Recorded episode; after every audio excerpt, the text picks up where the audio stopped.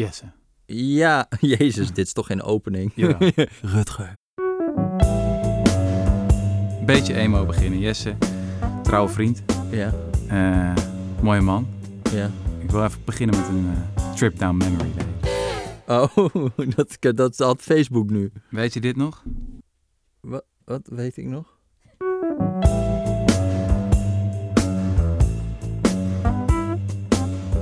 Oké, eh, dames en heren, we zijn hier eh, bijeengekomen voor de Rudy en Freddy Show. Dat is een titel in wording. Het is een projectje, het is een experimentje. Eh, en wat dat eigenlijk betekent, is gewoon dat ik, Jes Frederik, ondergetekende, samen met eh, mijn zeer gewaardeerde co-auteur Rutger Brechtman. Een goed Jezus, wanneer was dat? Dat was Waar- mooi, hè? Waarom doe ik het open? Nee, Ja. Er is een heleboel veranderd. 6 mei 2016. Dat is min of meer vijf jaar geleden, vriend. Tenminste, we nemen nu op op 5 mei. Dus ik dacht, eh, vijf jaar bestaan van de Rudy en Freddy, dat is wel een feestje. Oh, wat En toen leuk. dacht ik, daar hoort eigenlijk een cadeautje bij. Nou is het wel leuk voor de luisteraars om te weten dat eh, zeg maar onze relatie op, op het gebied van cadeautjes is niet, nou ja, laat ik zeggen, vlekkeloos. ik weet het nog goed dat, eh, wat is dat is een paar jaar geleden dat ik jou een boekje cadeau deed van Robert Nou, Caro, de briljante biograaf. Wat is het, On Writing of zo. Ehm, en toen dacht ik, van dit, die moet Jesse echt lezen. Ik had een interview gelezen met die man. Ik dacht, dat is echt iets voor Jesse. Dus ik had het besteld, mooi ingepakt, cadeautje gegeven. Ik zeg, Jesse, en, en je was er echt blij mee. Je, weet je, je zei, oh, dankjewel. Nee, ik vond, nee, ik vriend. vond, ik vond ja, Robert Caro. En wat gebeurt er dan een paar weken later? Dan zag ik het ergens op de redactie slingeren met het inpakpapier er nog naast. Nou, toen nog, een pa- eh, nog even later, toen kwam mijn boek De meeste mensen deugen uit. En eh, misschien had je iets van eh, geleerd van dat moment. Ehm, want je kwam naar me toe. Ik weet nog dat ik vond ik zo'n lief moment dat je zei... Rutger, wil je iets in mijn exemplaar van De meeste mensen deugen schrijven? En toen dacht ik, ja natuurlijk yes, een goede vriend. Kom hier met dat exemplaar. Toen hebben we er volgens mij iets heel sympathieks ingeschreven van... eh was fijn, weet je wel, dat we elkaar al zo lang, lang kennen. Dat ik zo van je ik heb kan me geleerd. ook echt niet meer Ja. herinneren. En toen verstreken er weer een paar maanden. En op een gegeven moment, wie was het? Een collega van de redactie. Die trok een exemplaar van de meeste mensen deugen uit de kast. Want die had het even nodig voor, Oh. weet ik, een cadeautje. En die bladert in en denkt, huh? Hier is al ingeschreven.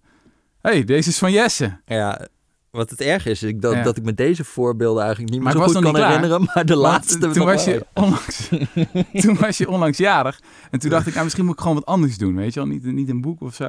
Dus toen ben ik naar eh, de slijterij van Houten gegaan. Toen heb ik de beste champagne uitgezocht die ik kon vinden. Mijn lieve duit gekost. Mooi ingepakt. En ik zeg, Jesse, ik heb aan je verjaardag gedacht. Gefeliciteerd. Het is feest, alsjeblieft. Nou, een week later kwam ik op de redactie. Op precies dezelfde plek stond die fles nog. Gewoon met het inpakpapier er nog naast. Ik heb die fles weer mee... Ik heb die fles weer meegenomen en ik heb hem die avond zelf lekker thuis opgedronken. Nou, vijf jaar Rudy en Freddy show. Ja. Eh, nog wel langer en intens. Maar dit was een hele lange aanloop. Waarom, waarvoor, waarvoor was dit Maar toen nodig? dacht ik, ik- ja, wat, wat voor cadeautje hoort erbij? En toen dacht ik, nou dan doe ik gewoon iets wat gewoon ter plekke geconsumeerd kan worden. Dus ik ben vanochtend... Ben Gaan ik, aan de eh, drank? Het is Wacht half nou twaalf. even. Oh. Ik ben vanochtend ben ik eh, naar Het is niet Utrecht eh, gescheurd. Op de hoek van de, de Amsterdamse straatweg. Daar heb je zo'n eh, vegan taart verkooptoko. Dus, Vegan taart? ja, ja, ja, dus ik heb het meegenomen. Kijk. Oh. stukje voor ons allemaal. Oh, Kijk, hoor. lekker. Is dat te vreten, vegan taart? Nou, dat gaan we nu... eh, Dat gaan we nu ervaren of het tevreden is. Eh, even kijken hoor. Ja, dat is fantastisch. Misschien moeten we even een... eh, Ik heb ook geen mes erbij gepakt. Leuk trouwens. zeg, zo'n Maar- interactief elementje. in Ja, dat is mooi hè. Dat is mooi. De dag af, vijf jaar. Ja, nou ja, dus 6 mei 2015 hebben we dus... eh, is 2016 de eerste Rudy en Freddy show in de ether geslingerd. Toen was podcasten, kan ik je vertellen, nog een betrekkelijk eh, marginale bezigheid Ja. in Nederland. Ja, nou willen we, moet je correlatie nooit verwarren met eh, causaliteit. Maar er is natuurlijk wel echt een sterk verband tussen dat wij daarmee zijn begonnen. En dat, je nu ook, zegt, ja, eigenlijk elke man die een vriend heeft, die heeft inmiddels een podcast met z'n ja, tweeën. Ja, ja, ja, ja. Maar wij waren Ik daar ging zo goed op het bericht van de speld. Van een groep vrienden besluit gesprek te hebben en het niet op te nemen. en daar geen podcast van te maken. Ja, nee, dat is wel waar. Kom maar door met die- Romané was even de, een mes aan het halen, dat was ik vergeten. Och, wat is dit gezellig verrassing. zeg. Wat is dit leuk. Fantastisch. Roost jongens. Vijf jaar Rudy en Freddy. Romané. Oké. Romané. Wat was het een mooie tijd. En voor het eerst geef ik Jesse een En- cadeau dat hij ook daadwerkelijk nou ja, rot erop. tot zich neemt. Hmm. Het is niet... Dit is helemaal 100% eh, plantaardig. Ja, ik moest dus naar Utrecht, want in Houten hebben ze dat soort dingen niet. Ik wel lekker hoor. Dus serieus niet gek, hè? Nee. Heb je nog eh, ditjes en datjes voordat we de inhoud induiken? Uh, nee, eigenlijk niet. Nee, er is echt helemaal niks gebeurd voor de rest. Uh, Jesse, wij kregen een e-mail. Ook nog. Niet lang geleden. Van een luisteraar die vertelde dat hij wel eens lepeltje lepeltje de Rudy en Freddy show luistert met zijn geliefde. Ja, dat is toch niet normaal, man. Sorry. Ja, stond Stop daarmee. Ik Ga zal- die wereld uit. Ik zal verder geen namen noemen. Maar die was een van de velen die zei... ehm, jullie moeten het in de Rudy en Freddy show eindelijk eens over een zeker onderwerp hebben. Erotiek. Eh, dat, is, dat komt ook nog. Nee, dit is echt een onderwerp waar best wel veel luisteraars ons al om gevraagd hebben. Om het eens over te hebben. En dat is het onderwerp effectief altruïsme. Nou. Dus dat gaan we doen. Ja, leuk jongen. En dat komt goed uit, want jij, hebt daar net, jij was er met Ja, de het was- het was wel grappig. longread bezig. Toen die mail kwam, ja, ik heb net een stuk van, wat is het, 5000 woorden... eh, Kan nooit korter meer, hè? Erover, nee, dat lukt niet meer. eh, afgerond. Maar ik heb, ben wel echt een beetje de rabbit hole ingegaan in deze beweging die ongeveer 10, 15 jaar geleden is opgekomen. Mhm. En eh, ja, steeds meer volgelingen kent of leden kent. van mensen die iets goeds willen doen in deze wereld, maar dat ook zo effectief mogelijk willen doen. Ja. Ehm, maar ik Misschien dacht, even chronologisch beginnen. Waar is dat eigenlijk allemaal begonnen? Wat is de oertekst van de, ja, maar ja, van de effectieve altruïsten? Wat is het? Waar hebben we het over? 1971. 1971. Universiteit van Oxford studeert een jonge filosoof, Peter Singer. Ehm, je moet je voorstellen, in die tijd was de filosofie nogal in de greep van de taal. Dus het was allemaal een beetje Ludwig Wittgenstein-achtige filosofie. Mensen waren bezig met nadenken van wat betekenen woorden nou eigenlijk precies. Heel ingewikkelde exercitie. Eh, moest zo precies mogelijk worden uitgevoerd. Maar die studenten die vonden dat eigenlijk niks. Want het waren de 60s, revolutionaire tijden. En die hadden zoiets van, wij studeren filosofie. Wat zijn de praktische implicaties? Dus Pieter Singer, een eh, jonge Australische gast, die komt naar de Universiteit van Oxford. Mag daar een jaartje studeren. En die, ehm, die denkt, oké, ik wil eigenlijk wat anders doen. Dus die schrijft een scriptie eerst over burgerlijke ongehoorzaamheid. En dan op 25-jarige leeftijd, dat is echt lijp, als je dat, als je dat dan checkt. Dat je Nou, dat is niet leuk gewoon. dat je dan zo uitrekent van, wow, die dude was 25 doen. toen. Schrijft hij een essay met de titel Famine, eh, Affluence and Poverty. Eh, dus hongersnood, overvloed en armoede. Ehm, voor een of ander obscuur filosofisch tijdschrift. En dat is een van de meest invloedrijke artikelen geweest in de filosofie, in de morele filosofie van de afgelopen 50 jaar. En het is nog steeds een artikel waar die man, hij is nu eh, in de 70, elke keer over moet vertellen. Dus hij is een beetje als eh, Marco Borsato, die nog steeds eh, de meeste dromen zijn bedrog elke keer moet zingen. Hij moet elke keer nog over dat artikel vertellen dat hij schreef toen hij 25 was. Ehm, we hebben het één keer in de podcast al heel even over gehad. Waarom is het zo bekend geworden? Omdat in dat artikel een gedachte-experiment ehm, opzet, eigenlijk, eh, vertelt. Hij zegt, stel je voor dat je ehm, langs een vijver loopt en in die vijver ligt een kind. En eh, het is een ondiepe vijver, maar dat kind is niet zo oud, drie, vier jaar oud of zo. En het kind is duidelijk aan het verdrinken. Je kijkt om je heen en je ziet, er is niemand in de buurt. Er is niemand, de ouders zijn er niet, geen verzorgers. Er is niemand die kan helpen. Ehm, wat ga je doen? Nou, de meeste mensen zullen zeggen, ehm, ja, wat je moet doen is dat kind uit die vijver halen. Je moet dat kind redden. En zegt Pieter Singer, ja, dat is inderdaad, dat is mooi. Maar wacht even, ik wil nog één dingetje toevoegen aan het verhaal. Je hebt net nieuwe schoenen gekocht. En het zijn echt behoorlijk glorieuze dingen. Die hebben echt wel een paar honderd euro gekost. En jij weet heel goed, als jij met die schoenen in die ondiepe vijver We gaan het springt, niet overleven. die zijn Die naar gekke Nike's. ja, die zijn additief. En trouwens, je hebt ook nog wel een mooi pak aangetrokken. Kortom, je moet wel een prijs betalen Ja. om dat kind te redden. Ga je het dan nog wel doen? Nou, en Nou. dan zeggen veel mensen... Ja, natuurlijk nog steeds. Wat een absurde overweging. Natuurlijk moet je dat kind redden. Boeien, dat is een paar honderd euro. Je kan een leven redden. En dan, zegt Pieter Singer, in dat artikel uit 1971, zegt hij... ehm, maar, wacht even. Het is ook het geval dat er, nou ja, op dit moment bijvoorbeeld... eh, meer dan 40 miljoen kinderen wereldwijd sterven aan oorzaken die in principe prima te voorkomen zijn. Weet je wel, aan diarree of de mazelen. En we weten best wel goed wat de remedies zijn. Vaccins, vitamine A-supplementen, eh malaria-netten.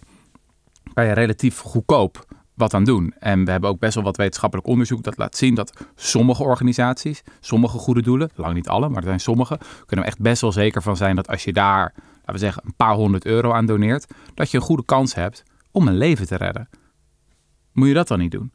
Ik bedoel, in de westerse wereld consumeren wij enorme hoeveelheden troep die we niet nodig hebben. Ik heb vanochtend nog een taartje gekocht. Ik kan je vertellen, die was niet goedkoop. uh, wel lekker. Um, ja, diezelfde euro, die zou ergens anders natuurlijk veel meer goed kunnen doen. Dus in dat essay zegt Pieter Singer eigenlijk, heel vaak zeggen we um, generositeit of filantropie, dat is een leuke extra. Dus als je een goed mens wil zijn, dan um, moet je vooral dingen niet doen. Je moet niet liegen, niet stelen, niet lelijk zijn tegen elkaar. Beetje vrijwilligerswerk, misschien met kerst nog wat guller, guller zijn. Als iemand op Utrecht Centraal je aanspreekt met een gelik praatje, word dan gewoon lid van War Child voor een paar euro in de maand. maar als je dat allemaal doet, dan is het wel goed. Terwijl dit gedachte-experiment suggereert eigenlijk, nee, je hebt echt een plicht om veel meer te doen. Want elke keer als jij iets voor jezelf aanschaft wat niet zo nodig is, dan, uh, ja, dan gaat het niet naar iemand anders. Dan gaat het niet naar een vitamine A-supplement of een malaria-net of noem maar op. Ja. Um, dus het is een enorm veel eisende filosofie. Dat heel veel impact heeft gehad. Dus ze hebben, ze hebben heel veel filosofen hier commentaar op gehad. Het is ook heel makkelijk te begrijpen. Ja, het is een ehm, soort hele kinderlijke redenering eigenlijk. Ja, ja, hè? Dat je, je, je, denkt aan al die schilders die dan in één keer kinderkunst gaan maken en zo. Dit is eigenlijk kinderfilosofie. Het is super simpel, ja. En dat is denk ik ook de kracht van zijn filosofie. Hij is trouwens ook bekend geworden met het boek Animal Liberation. In 1975 mhm. publiceerde dat. Um, Toen er nog geen vegan taartjes waren. Zeker, dus dan ben je echt zeker. een pionier. En dat heb ik trouwens een paar weken geleden gelezen. Echt volkomen verbluffend. Dat hij toen al, want hij was uh, ook als student vegetariër geworden. En hij is, het is eigenlijk de basis geworden van de moderne dierenrechtenbeweging. Is dat, mhm. dat boek. Waarin hij eigenlijk kraakhelder al die argumenten geeft. Maar in een tijd dat het, dat het uh, ja, nogal niche was, laat ik het zo zeggen. En dat is eigenlijk het vetste, vind ik, aan zijn soort van manier van filosoof zijn. Is helemaal niet de complexiteit. Ik denk ook dat veel filosofen zullen zeggen van ja, Pieter Singer is niet een enorme complexe denker of zo. Hij is gewoon iemand die vrij simpele redeneringen strak doorwerkt. Nee, wat, wat ik vet aan hem vind, is dat hij de consequenties trekt. Dus hij doet wat hij zegt. Um, als student ging hij, uh, eigenlijk naar aanleiding van dit artikel, um, zei hij van oké, als je het helemaal doorredeneert, zou je eigenlijk alles wat je niet echt nodig hebt, moeten doneren aan een goed doel. Uh, dat, dat mensen, uh, bijvoorbeeld kinderen helpt, die dat veel meer nodig hebben. Um, hij erkende ook dat hij geen heilige was. Dus dat het best wel moeilijk is om dat te doen. Dus hij begon met 10% van zijn inkomen geven. En heeft dat inmiddels opgevoerd tot 30, 40%. Uh, waarmee hij zegt, nog steeds trouwens zegt van... Ja, ik zou eigenlijk nog meer moeten doen, maar dat lukt me niet. Mm -hmm. uh, dus ik, wor ik worstel daarmee. Um, maar het is echt zo'n uh, zo iemand die zegt... Oké, als je iets vindt, als je iets beredeneert... dan moet je daar ook wat mee. Ja. Wat wel interessant is trouwens, want um, er zijn best wat studies gedaan naar professors in de moraalfilosofie. Van mhm. zijn dat soort mensen die nou, weet je, dag in dag uit bezig zijn met nadenken over de vraag: wat is het goede? Wat is een goed mens? Weet je wel, wat is de juiste ethiek? Zijn die mensen nou ook een beetje beter? Weet je wel, zijn ze moreler uh, op simpele dimensies als geven ze meer geld aan een goed doel? Weet je wel, zijn ze vaker vegetariër of zo? En dan valt het toch behoorlijk tegen. Ja, dat hoop niet. Uh, nee, dat, ja, ik kan me nog ook wel voorstellen dat die gewoon de, de, de, afgelopen 60 jaar bezig zijn geweest om dit soort kinderlijke redeneringen onderuit te halen, toch? Dat Zeker, ja. ja dat is want je, je voelt dat er iets heel irritant aan is. Ja, ja, dat is natuurlijk heel verleidelijk om, om dat te doen. Ja. Ik kan mezelf nog een goed moment herinneren dat ik... Uh, um, ik zat uh, theatercolleges te geven. Ja. Um, en dat was samenwerking met Haags College over, over het boek. En uh, nou, dat is natuurlijk een lucratieve aangelegenheid. Mm dat, is, dat verdient goed, weet je wel. Mensen kopen daar uh, kaartjes voor, weet ik veel, dat kost uh, 10, 20 euro. Uh, en daar gaat een substantieel deel dan naar mij. Dus als het een uitverkochte zaal is, nou, dat is, dat is lekker verdienen op een avond. Mm -hmm. terwijl ja, mm, ja verdien ik dat allemaal, zou je kunnen afvragen. Mhm. En ik kan me toen goed herinneren dat een, eh, een, een, collega waar ik mee werkte, die ik ook heel goed mee had samengewerkt van Haagse College, um, die um, uh, ook een paar van de betere grappen trouwens had bedacht tijdens, tijdens voor, voor het theatercollege, dat hij uh, een boek aan het lezen was met de titel, nou ja, het kwam behoorlijk bij me binnen, laat ik het zo zeggen. Ik, weet, ik heb het hem nooit verteld trouwens. Ik, ik, ik, ik weet niet of, het, uh, of die het soort van als een provocatie aan mij. Nee, dat denk ik niet. Maar in ieder geval, de titel van het boek was... If you're an egalitarian, then why are you so rich? Ja. Of kort samengevat, als je gelooft dat de meeste mensen gelijk zijn, waarom ben je dan eigenlijk zo rijk? Ja, en nou dat ja, was natuurlijk Jezus Christus ook al. Hè? Dat... Ja, nou ja, en dat was natuurlijk die avond, dacht ik van ja, waarom eigenlijk, weet je wel? Goed, ik heb met veel plezier dat boek geschreven. En dan, maar waarom zou ik soort van deze hoge inkomsten verdienen op Sterker een avondje nog, met vertellen. een betoog waar dat, dat het allemaal wat egalitairder moet. Ja, ja, dat, ja precies. En het is heel verleidelijk om dat een beetje weg te moffelen. Ik denk ook dat veel mensen dat doen, zeker in het soort van het speaking circuit. Dat veel mensen gewoon niet weten wat zeg maar al die snabbelaars, uh, ja. uh, al die BN'ers allemaal naar binnen schuiven. Uh, de mens, de schoft, hij went dan alles. Nou ja, precies. En die denken, die gaat er toch aan, ja, je gaat daar aan wennen. Je denkt, oh, dat is normaal. Maar is dat eigenlijk wel normaal? En ja, gaat het niet samen dan met een, met een plicht om na te denken van... moet je daar niet wat mee doen? Maar wat, dus inderdaad, wat doen dat... die lui dan? Dus, dus ja, je hebt dus dat essay van uh, Pieter Singer. Ja, ja, ja. En dat heeft dus geleid tot eigenlijk een beweging van mensen die dat denken van... god, dat moeten we serieus nemen. Ja. Eigenlijk is dat de eerste stap. Dus de eerste stap is zeggen... Um, koop heel veel overbodige troep die je niet nodig hebt. En dan geldt trouwens niet alleen voor, voor mensen die, uh, weet ik veel, veel geld kunnen verdienen met een theatercollege. Maar het geldt eigenlijk zo'n beetje voor alle Nederlanders. Hè? Dus als je een modaal inkomen hebt in Nederland, behoor je al tot de 3,5% rijksten ter wereld. Mm -hmm. mijn, mijn stelregel zou zijn, als je wel eens koffie to go koopt, of als je wel eens uit eten gaat, of als je op vakantie gaat, of weet je wel. Um, mag niet meer. Nou, mag niet meer, maar dan behoor je tot de... Uh, echt wel tot de rijkste bovenlaag van deze wereld. Heel vaak, mm. weet je, Occupy Wall Street zei van we are the 99%. En zij zijn de 1%. Nou, ik denk dat heel veel luisteraars van deze podcast, denk dat ik dat wel durf te zeggen, mondiaal gezien gewoon tot de 1% behoren. Want wa uh, wanneer zit je eigenlijk, weet jij dat, hoe, waar wij ongeveer de modale Nederlander op de inkomen wereld Ja, 3,5%. Dus de, bij de rijkste ja, 3,5%. Ja, modale Nederlander hoort bij de rijkste 3,5%. Ja, ik, ik denk dat, uh, en ja, als je naar twee keer modaal gaat, zit je al heel snel bij de rijkste 1%. Ja. Dus uh, ja, je, je, je, ziet, je, ben, je bent echt wel in een, in een modern westers land als Nederland, word je echt wel tot de rijkere. Um, nou, de eerste, de eerste stap is eigenlijk dat je dat erkent en zegt, oké, okay, um, dus misschien heb ik dan een plicht om een groter deel van mijn inkomen aan mensen te geven die daar ja, die dat echt nodig zouden hebben. Mm -hmm. Wat het effectief altruïsme doet, is eigenlijk een tweede stap. En die kwam veel later pas. Dus dat komt pas op rond het jaar 2010. Dat er een aantal mensen bij elkaar komen en nieuwe ideeën ontwikkelen. En zeggen van oké, okay, als we dan, laten we zeggen, 10% van ons inkomen weggeven aan een goed doel. Hebben we dan niet ook de plicht om na te denken hoe we dat zo effectief mogelijk doen? Mm -hmm. Want weet je wel, goed doen is leuk. Maar je moet ook het op zo'n effectieve wijze uh, doen. Ik bedoel, we weten allemaal dat er heel veel hulporganisaties zijn en dat er ook een hele geschiedenis is van behoorlijk ineffectieve hulp of zelfs schadelijke hulp in, in arme landen. Um, dus uh, weet je, je kan uh, als je 18 bent zeggen: ik ga naar Botswana of ik ga naar Malawi en ik ga daar een schoolgebouwtje bouwen of ik ga, weet ik veel, het, het goede woord verspreiden. Ik ga mensen helpen. Maar je kan ook denken van, hé, hey, wat kost mijn vliegticket eigenlijk? Dat is een paar jaar inkomens voor de gemiddelde Malawinees. Mm -hmm. uh, kan ik dat niet gewoon beter rechtstreeks geven aan diegene? Misschien heeft hij er dan meer bij. Dan, dan denk je misschien, ja, maar dat voelt minder goed. Weet je wel, dat voelt een beetje als voor afkopen. Eigens, ja. ja. Maar dan zou de effectieve altruïst zeggen, luister, het, het gaat, gaat niet om wat jij voelt. Het gaat niet om jouw intenties, het gaat niet om jouw bedoelingen, het gaat om het resultaat. Ja. Dus, dus ja, mensen betalen hun huur niet met jouw goede bedoelingen. Weet je wel, ze vullen hun maag niet met jouw intenties. Ze, ze, weet je wel, ze worden niet beter van, van jouw goede gevoel. Nee, ze worden beter van jouw centen. Ze worden beter van jouw vitamine A-supplementen. Ze worden beter van jouw malaria et cetera, et cetera. Dus dan is de vraag van, oké, okay, wat is het meest effectieve? En die beweging ging eigenlijk samen met een revolutie in de economische wetenschap, waar we het ook wel eens over hebben gehad, um, van dat er steeds meer randomized controlled trials worden gedaan. Zoals we dat ook kennen vanuit de medicijnonderzoek. Ja. Um, je hebt een groep die krijgt interventie, een andere groep is de controlegroep. En dan kan je best aardig vergelijken van wat is het effect nou. Um, in 2010 geloof ik werd ook een denktank opgericht. Die heet GiveWell, een Amerikaanse club.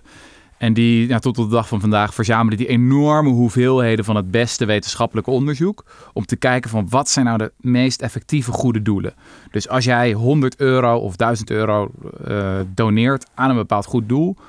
Ehm, wat is dan de bang voor de buck die je krijgt? Mhm. Eh, Dat was heel erg het idee. Pieter Singer geeft altijd de- het voorbeeld van de, de blindheid. Stel je wil iets aan blindheid doen. Mhm. Nou, je kan het eh, KNGF in Nederland. ja, de eh, blinde die- geleidehonden. die eh, leiden blinde geleidehonden op. Hele mooie stichting, hele mooie club. Kost ongeveer 25.000 euro om dat te doen. En we weten allemaal dat echt een blinde geleidehond een enorm verschil kan maken in het leven van mensen die blind zijn. Het is iets prachtigs, dus het is heel mooi om, om geld aan te doneren, om iets aan over te hebben. Maar wat Pieter Singer dan zegt, eh, luister, je hebt ook een aandoening die heet trachoom. En je kan voor datzelfde bedrag 250 keer zoveel blinden helpen. Genezen van blindheid. Dan van die ene blinde geleidehond. Dus voor 25.000 euro kan je 250 mensen helpen. Ja, moet je dat dan niet eigenlijk doen? Ik bedoel, blinde geleidehonden zijn prachtig, daar niet van. Maar als je 250 Maar keer zoveel goed kan doen... toch allemaal heel vervelend. Maar het gaat niet om jouw gevoelens. Dus dat, is, dat is het hele framework eigenlijk van dat effectieve altruïsme. Maar dan gaat het nog een stap verder. Want tijd is geld natuurlijk. Geld is tijd.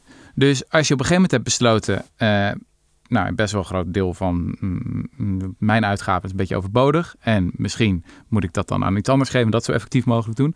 Kan je misschien ook nadenken van... ehm, ja, eh, hoe besteed ik mijn tijd eigenlijk? Want tijd kan je omzetten in geld... zodat je nog meer kan geven. Mhm. En dan komt het, eh, het, het volgende idee van de effectieve altruïsme, dat, naar mij, dat volgens mij nog wat controversiëler is.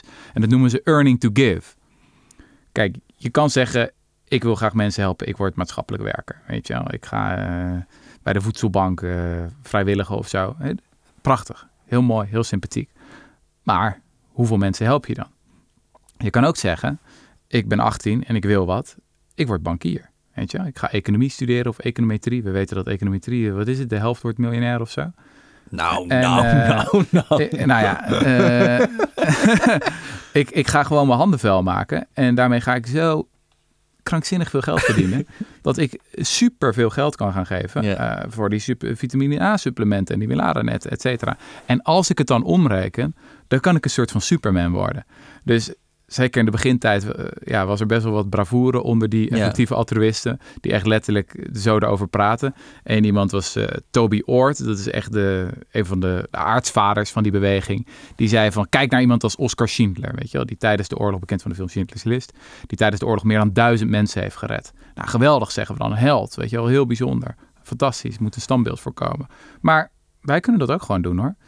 Hij had berekend dat hij als academicus, gewoon als filosoof, eh, over zijn hele leven anderhalf miljoen euro zou verdienen. Nou, dan schat hij in hoeveel heb ik nodig om een beetje comfortabel te leven. Nou, ik denk dat ik wel van eh, pak een beetje 18k, 18.000 pond per jaar rond kan komen. Nou, dan heb ik ongeveer een half miljoentje nodig. Voor mezelf kan ik een miljoen doneren. Nou, voor een miljoen kan ik honderden levens redden. Ik ben, ja, dat is, we kunnen dat eigenlijk zelf ook doen. Mhm. Dus het is eigenlijk een hele eh, radicaal andere manier van denken over wat je plichten zijn en wat je kan doen eh, voor, voor andere mensen in feite. Waar heel veel mensen. Wat denk jij dan van? manier Wat, denk van, jij daar nou van dan?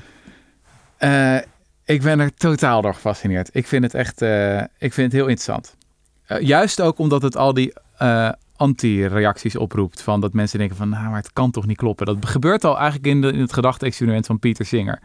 Dat mensen zeggen van, ja, oké, inderdaad. Ik zou dat kind wel redden uit die vijver. Maar, I don't know, ergens klopt er iets niet. Ergens voelt het niet... Nou ja, nabijheid of zo. Van als mensen heel ver weg zijn, eh, Ja.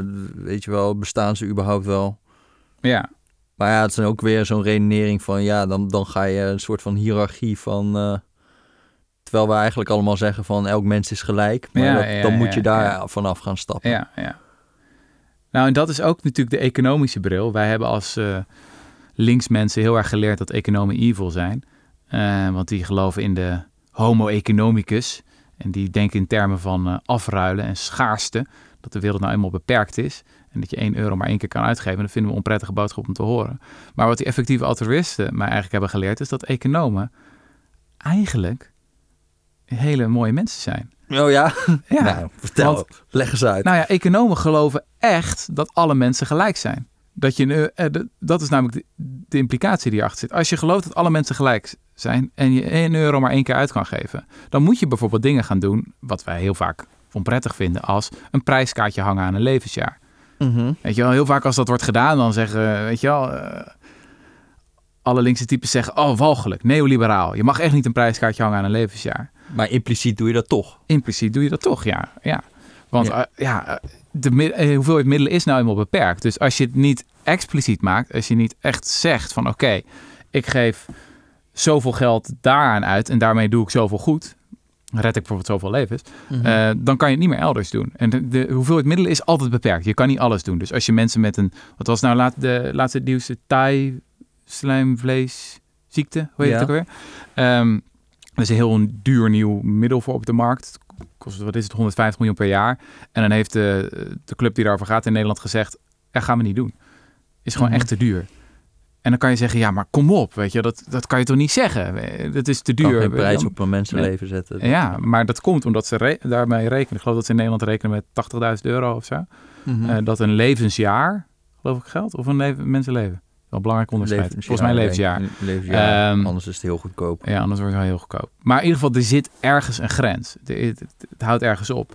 Mhm. En als je dan zeker eh, wat breder gaat kijken, dus niet alleen kijkt van oké, ik ben alleen maar geïnteresseerd in Nederlanders en Nederlanders helpen, maar ik wil, eh, weet je wel, alle mensen zijn gelijk wereldwijd. Nou ja, je kan voor, je kan voor een habbekrats levensjaren redden elders in de wereld. ja. Er is gewoon superveel laaghangend fruit. En dat voelt dan misschien niet zo prettig, dus het voelt misschien abstract om naar een website te gaan als de Against Malaria Foundation en daar in te tikken van oké, 10% van mijn inkomen gaat daar op maandelijkse basis naartoe. Weet je, je krijgt er niet die warme gloed van. eh, Mhm. Die je misschien krijgt als je vrijwilligerswerk doet. Maar zijn er hier niet Maar ook ja. wat risico's van... eh, Oké, dus één, het punt van Singer, dat is ongetwijfeld helaas waar. Van, je moet eigenlijk veel meer geven als je serieus... eh, als je je principes serieus Mhm. neemt.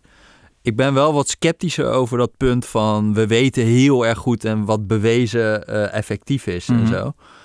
En ik zie een, bijvoorbeeld een risico wel dat je dan eh, alleen maar afgaat op wat bewezen effectief is. Daar kan je ook nog je vraagtekens bij zetten. Dat kan ik ook straks doen. Terwijl eigenlijk de grotere eh, grootste impact heeft Mhm. vaak gehad dingen die helemaal niet bewezen effectief zijn, maar die toch gedaan zijn, waar achteraf bleek van god, dat had een waanzinnig grote impact. Zou Ja. Martin Luther King, weet je wel, zou die eerst even een eh, RCT hebben gedaan voordat hij eh, zei van ik heb een droom. Ja. Kijk, ja, dat, dat, dat, Ja. je krijgt wel een soort van conservatisme in je altruïstische strategieën, denk Ja. ik, waar, waarbij ik me afvraag, is dat nou Ja. helemaal de bedoeling? Maar dan ben je eigenlijk al meegegaan met de eerste stap. Van ja, daar ben ik al in meegegaan. Maar dan, heb je al dus- gezegd van oké, ik moet kritisch nadenken over hoe ik mijn tijd en mijn geld besteed. Alleen de volgende stap eh, is inderdaad zoveel mogelijk geld verdienen bijvoorbeeld en dat geven aan een goed doel waarvan uit wetenschappelijk of randomized control trials blijkt dat het effectief is, is dat daadwerkelijk de beste manier. ja, Ja, nou daar is natuurlijk een heel debat over aan de gang, ook tussen economen onderling. Is, is er wel enige nou ja, het wordt heel controverse. individualistisch ook. Van oké, wat kan jij als e- in je eentje nou eigenlijk doen om hem zo maximaal goed te doen? Ja, En dan is het ongetwijfeld waar dat dit maximaal goed zou doen. Maar je moet eigenlijk ook ergens in. Om echt dingen echt super groot te veranderen. Want uiteindelijk is het ook nog geprie- gepriegel eigenlijk in de Ja. marge. Met, eh, met, met weet ik veel, geef mensen een geit of geef ze ja, een malaria ja, net. Om dingen echt groot te veranderen moet je eigenlijk een soort van geloof gaan kweken onder veel meer mensen. Zodat Maar dat je is echt wel wat ze doen, hè? Dus Maar dat, dat- vind ik wel interessant. Dus de, de- dit is een kritiek die ook veel uit, uit de linkerhoek klinkt op de effectief altruïsten. Van dit is te individualistisch. Dit is te neoliberaal. En zeker als ze dan gaan zeggen van earning to give, word een bankier en geef al je geld weg. Dan, zeggen ze, dan is de kritiek natuurlijk van luister. Dat systeem zelf is verrot. Hoe verdient een bankier zijn geld? Ja, door andere mensen uit te buiten. Dus dan ben je met de ene hand aan het pakken en met de andere hand aan het geven. Dat, is, dat klinkt niet als een heel erg geweldig systeem Mhm. dan zou, dan zou de verdediging nog zijn van ja, inderdaad, ik doe een, klei- ik doe een beetje schade als bankier. Maar de hoeveelheid goed die ik doe door te geven, nou ja, Ja, dat, dat is dan uiteindelijk nog netto kom ik dik positief uit. netto hoor. dik positief uit. Ja? Ga jij lekker in de bergen wonen, vriend. En eh, Ja. lekker goed zijn.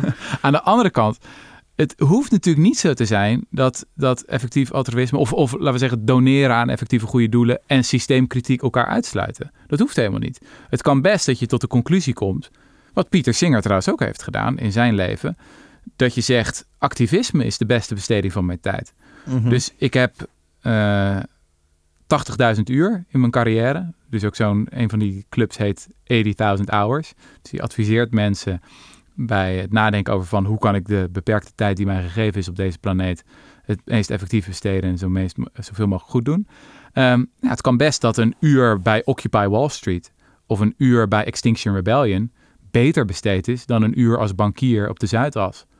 Weet je wel, waarvan je dan wel belooft dat je het geld weggeeft. Omdat uiteindelijk... Ja, maar dat, dan ben ik wel, dan ben je ver verwijderd van het hele, zeg maar, wetenschappelijke Ja. sausje wat zij erover gieten. Want er zit natuurlijk een enorme retorische strategie achter, Ja, waarvan ik mij afvraag of dat op hun eigen termen de beste strategie is, zeg maar. ja, ja. Dus ik denk dat als je zo gaat doen, ik heb 80.000 uur, hoe ga ik die zo effectief mogelijk besteden? Dat dat voor heel veel mensen zo tering bloedeloos is, dat ze er nooit aan zullen beginnen, ja, snap ja, je? Dus om je ergens achter te scharen en als een soort van I have a dream vibe wil, ja. dan, dan gaat dit gewoon niet werken. Die hele als retorische strategie.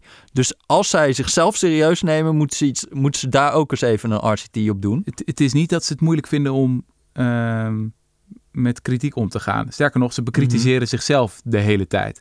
Je kan gewoon naar die fora gaan over effectief altruïsme, waar ze uitgebreid die debatten hebben over van ja, hebben we niet te veel dat wetenschappelijke sausje? Of zijn randomized controlled trials nou wel de beste eh, manier om te kijken naar de effectiviteit van hulp? Ja, Eh, het is een heel erg een ja, zelfkritische, lerende gemeenschap. Waarin ze ook nadenken van, ja, eh, wat is de verhouding tussen ehm, wat je als individu kan doen en systeemkritiek. Ehm, en dat is denk ik ook wel cruciaal, is dat het een beweging probeert te zijn die mensen probeert te infecteren. Mhm. Vind jij heel belangrijk, hè? Nou ja, kijk, je kan natuurlijk besmet worden. Kijk, de lieve Heer Jezus, die, eh, die heeft eh, in de bergrijden beweging. daar een paar opmerkingen over gemaakt. Aan de ene kant zegt hij van, als je gaat bidden, doe dat dan niet op de hoek van de straat, zoals die fariseërs. Maar doe dat, eh, doe dat achter gesloten muren, waar alleen eh, de Heere God je kan horen. Aan de andere kant zei hij ook van, ja, wees een licht voor de mensen om je heen. Dus het zit in dat Nieuwe Testament zit Ga je nou spanning. kritiek hebben op Jezus Christus? Nee, nee, nee. Ik probeer een klein stukje theologie, een klein stukje bijbelduiding te doen. Is dat die spanning zit in die tekst zelf al. Van de spanning tussen inspireren en koketteren. Ja, ja, dus je ja, kan, soort van, de, als je koketteert, dan ben je de good mens die mensen afstoot. Weet je wel, wat vaak het gevoel wat we hebben bij vegans. Ja. Eh, en eh, ja, hoe kom je erachter dat iemand vegan is? Nou, geen zorgen, dat, dat vertellen ze je wel.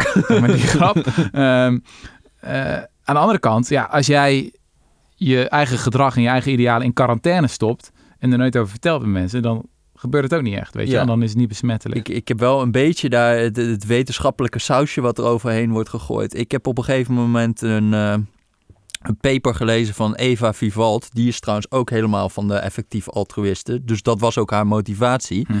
En zij had al die RCT's of al die eh, randomized control trials op een rijtje gezet van al die experimenten. Ja. Van wat, wat is nou het effect van zo'n malaria-net, van microfinanciering, micromest heb je ook, Ja. eh, geiten, cavia's, de hele zooi. Micromest, is dat diarree of zo? nee, nee, dat wil je ermee vermijden, vermoedelijk. Maar eh, dus eh 15.000 resultaten, 635 onderzoeken, 20 verschillende hulpinterventies. En waar zij toen eigenlijk achter kwam, was in het verleden behaalde resultaten bieden geen garantie voor de toekomst. Dus je zag heel vaak dat als, als iets in één context had gewerkt, dat dat helemaal niet zo goed voorspelde of het ook in een andere context zou werken Mhm. waar een gigantische variatie in. Je hebt altijd eh, een experiment heet de interne validiteit. Ja. Dus dat is of het een experiment is, of het gewoon wetenschappelijk klopt. Maar je hebt ook de externe validiteit. En dat betekent, klopt het als ik het in deze context heb gedaan, klopt, gaat het ook werken in een Ja. andere context. Ja, dus voor de leek, ik heb malaria netten gegeven in deze regio van Malawi. En daar heb ik een randomized control trial gedaan. En daar bleek dat het heel goed werkte. Maar dat wil niet zeggen dat het ook werkt in een regio verderop of in een ander land. Ja, ja, ja, ja, ja. En eh, dat- dat was best wel schokkend wat daar dan uitkwam. Want zij, zij ging dan... ehm, kijk, stel je bent een beleidsmaker en je wil weten dan... wat is de invloed van het uitdelen van ontwormingskuren. Hè? Dat is Ja. zo'n heel groot... eh, daar is het eigenlijk ook volgens mij een beetje mee begonnen, al die randomized control trials. Ontwormingskuren, dat bleek gigantisch effectief om kinderen naar school te krijgen, om Ja. hun op gewicht Ze hebben te last krijgen. van wormpjes en dan blijven ze thuis. En dus eigenlijk het, be- het beste onderwijsinterventie in veel arme landen zou dan niet zijn extra schoolboeken of schooluniforms. Nee, pilletjes tegen wormen. Ja, maar zij had dan van, oké, je neemt die hele wormliteratuur tot je en je komt dan Ja, dat klinkt goor. Maar die komt dan tot de beste voorspelling, is gewoon het gewogen gemiddelde van al die studies. Ja. En dan laat zij eigenlijk zien dat, je dan, dat de kans slechts 60% is dat je goed raadt of de deelnemers in een volgende studie dan zwaarder of lichter zouden worden door zo'n uh, door zo'n ontwormingskuur. En dat is wat je wil. Hè? Je wil dat ze in gewicht toenemen. Mhm. Maar eigenlijk kan je dan bijna net zo goed een muntje opwerpen. Want dan is de kans 50% dat je het goed raadt. Mhm. Maar dankzij al dat wetenschappelijke onderzoek heb je nu zeg maar 60% kans dat je de richting van het effect goed raadt. Hm. En dat is alleen de richting van het effect. Want de, de echte, echte vraag is natuurlijk, hoe groot is het dan? Hoeveel kilo krijgt iemand erbij? Mhm. Als je echt wil gaan, zeg maar, hoeveel euro voor mijn resultaat. Mhm. Ik noem nu, nu even die ontwormingskuur als voorbeeld. En daar wordt het nog bedroevender, zeg maar, hoe goed je kan voorspellen hoe het gaat Ja. werken in een andere Ja. context. Dus dat is niet een fundamentele kritiek van het hele idee dat je met wetenschappelijke kennis eh, eh, betere, effectievere strategieën kan gaan vinden. Maar het is wel dat we op dit moment de staat van de kennis nou niet zodanig is dat we heel erg eh, Ja. goed zicht hebben op welke interventies altijd Ja, heel goed ja, werken. Er zijn wel verschillen hierbij ook. Hè? Dus je hebt sommige dingen zoals eh, mensen cash geven om naar school te gaan bijvoorbeeld. Ja. Ouders, dat, daarvan weten we vrij goed dat, dat, dat de richting van het effect wel heel erg uitwijst van dat is effectief. Maar hoe effectief precies, Ja, ja. dat is Maar allemaal soms- best wel ingewikkeld. Heb ik ook het idee dat dan de bewijslast die wordt gevraagd van dit soort doelen echt zo absurd hoog is ten opzichte van andere dingen die we doen. Zeker. Bijvoorbeeld in de Nederlandse politiek. Ik bedoel, we hebben het wel eens gehad over de Algemene Rekenkamer. Die zegt van hoeveel procent van het beleid zit eigenlijk helemaal geen gedachte achter. Of een soort van idee van wat is het doel van de wet en wat willen we ermee bereiken. Eh, of in ons eigen leven. Ik bedoel, ons leven hangt aan elkaar van verspilling. Ja, ja, ja. En, en soms dan wordt er kritiek geleverd op dat soort interventies. Als bijvoorbeeld Against Malaria Foundation, die inderdaad malaria netten uit, uitdeelt. Wat uit veel van die randomized control, control trials blijkt dat positief te werken. En inderdaad, malaria is ook fors teruggedrongen in de afgelopen eh, pak een beetje 20 jaar. Eh, wat, en trouwens, dat is ook echt geweldig nieuws van een paar weken geleden. Wat echt zo'n Ja, kortje was vaccin, in de ja. kranten. Maar er is nou een malaria vaccin. Was echt een, heel, een, een eerste echt heel positief signaal van studie van de Universiteit van Oxford. Wat als het al- allemaal gaat gebeuren, dan is dat het meest impactvolle wat gebeurd is dit jaar. Want malaria is echt zo'n brute ziekte. Die, wat is het, nog steeds 400.000 levens per jaar meer dan kost? COVID. Ja. Nog steeds, ja. Maar dat was echt zo, dat is zo bizar. Dat was, die dag was dat niet op het journaal bijvoorbeeld. Was gewoon, Ja, was ja, niet ja, in, ja, het nieuws. Dan moest je, Nou, je lees we wel beetje in de geschiedenisboekjes, vak de krant. ja, precies. Eh, maar goed, ehm, het is wel heel plausibel, denk ik, dat het, dat het eh effect Nou ja, heeft jij en dat het goed is. En dan wordt, ik weet niet, dan wordt die beweging zo bekritiseerd van ja, is het allemaal wel wetenschappelijk? Terwijl ik denk, ja, maar ten opzichte van bijna alles wat we doen in het leven. Ja, maar dat vind ik ook weer wel weer iets te makkelijk. Hè? Want zij gieten er natuurlijk wel een gigantisch wetenschap. We weten dat X en Y. En heel erg van, we weten exact hoeveel mensenlevens we redden met dat en dat. En dat irriteert mij ook wel een beetje. Ja. Als dat, ik, ik bedoel, de serieuzere mensen, die zullen dat ook niet zeggen. Hè? Dus, Nee. Maar als retorische strategie zit dat er wel heel erg overheen. En ook een soort enorme kritiek op reguliere ontwikkelingshulp. Terwijl ik dan, als ik dat artikel van die Vivalt lees. En dan, dan denk ik toch van. eh, nou ja, stel dat je zou gewoon een, een, een, een ontwikkelingshulp, eh, gewoon een hulpverlener vragen. Wat denk jij dat effectief is om met je euro te doen? Zou dat dan heel erg veel slechter zijn dan die 60% kans dat je het effect goed raadt van na al, allemaal peperduur economisch Hmm. onderzoek? Misschien kan je daar ook eens een experimentje aan Hmm. wijten. Hè? Is dat nou de beste strategie Ja, om erachter ja, te komen, altijd wat werkt? Omdat soms, kijk zeg maar, als je dat, dat criterium van eh, je euro het beste besteden eh, heel serieus neemt, dan is er ook een punt waarop je zegt van, ja, het kost nu heel veel geld en moeite om achter die kennis te komen. En wat levert dat ons eigenlijk Ja, op? ja, ja. En dat is nog iets anders, wat natuurlijk ook gewoon een punt is met al die ontwikkelingshulp dingetjes. Al die interventies, ja, het gaat gewoon over betrekkelijk weinig. Als je kijkt van eh, iemand die Len Pritchett van de, die volgens mij werkt hij bij het IMF, ook zo'n econoom. Mhm. Die bekritiseert de hele tijd dat dat nu zo'n hele rage is bij die economen. En die Ja. heeft gewoon op een rijtje gezet.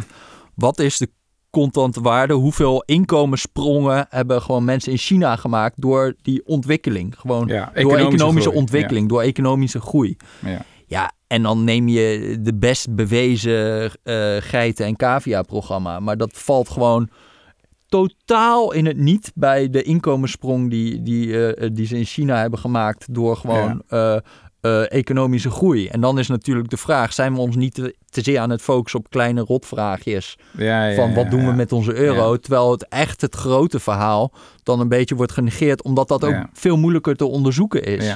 Som, soms eh, heb je dus dat, ja, het is ook zo'n bekend verhaal van je bent je sleutels aan het zoeken onder de lantaarnpaal, Mhm. hè, omdat daar het licht is. ja.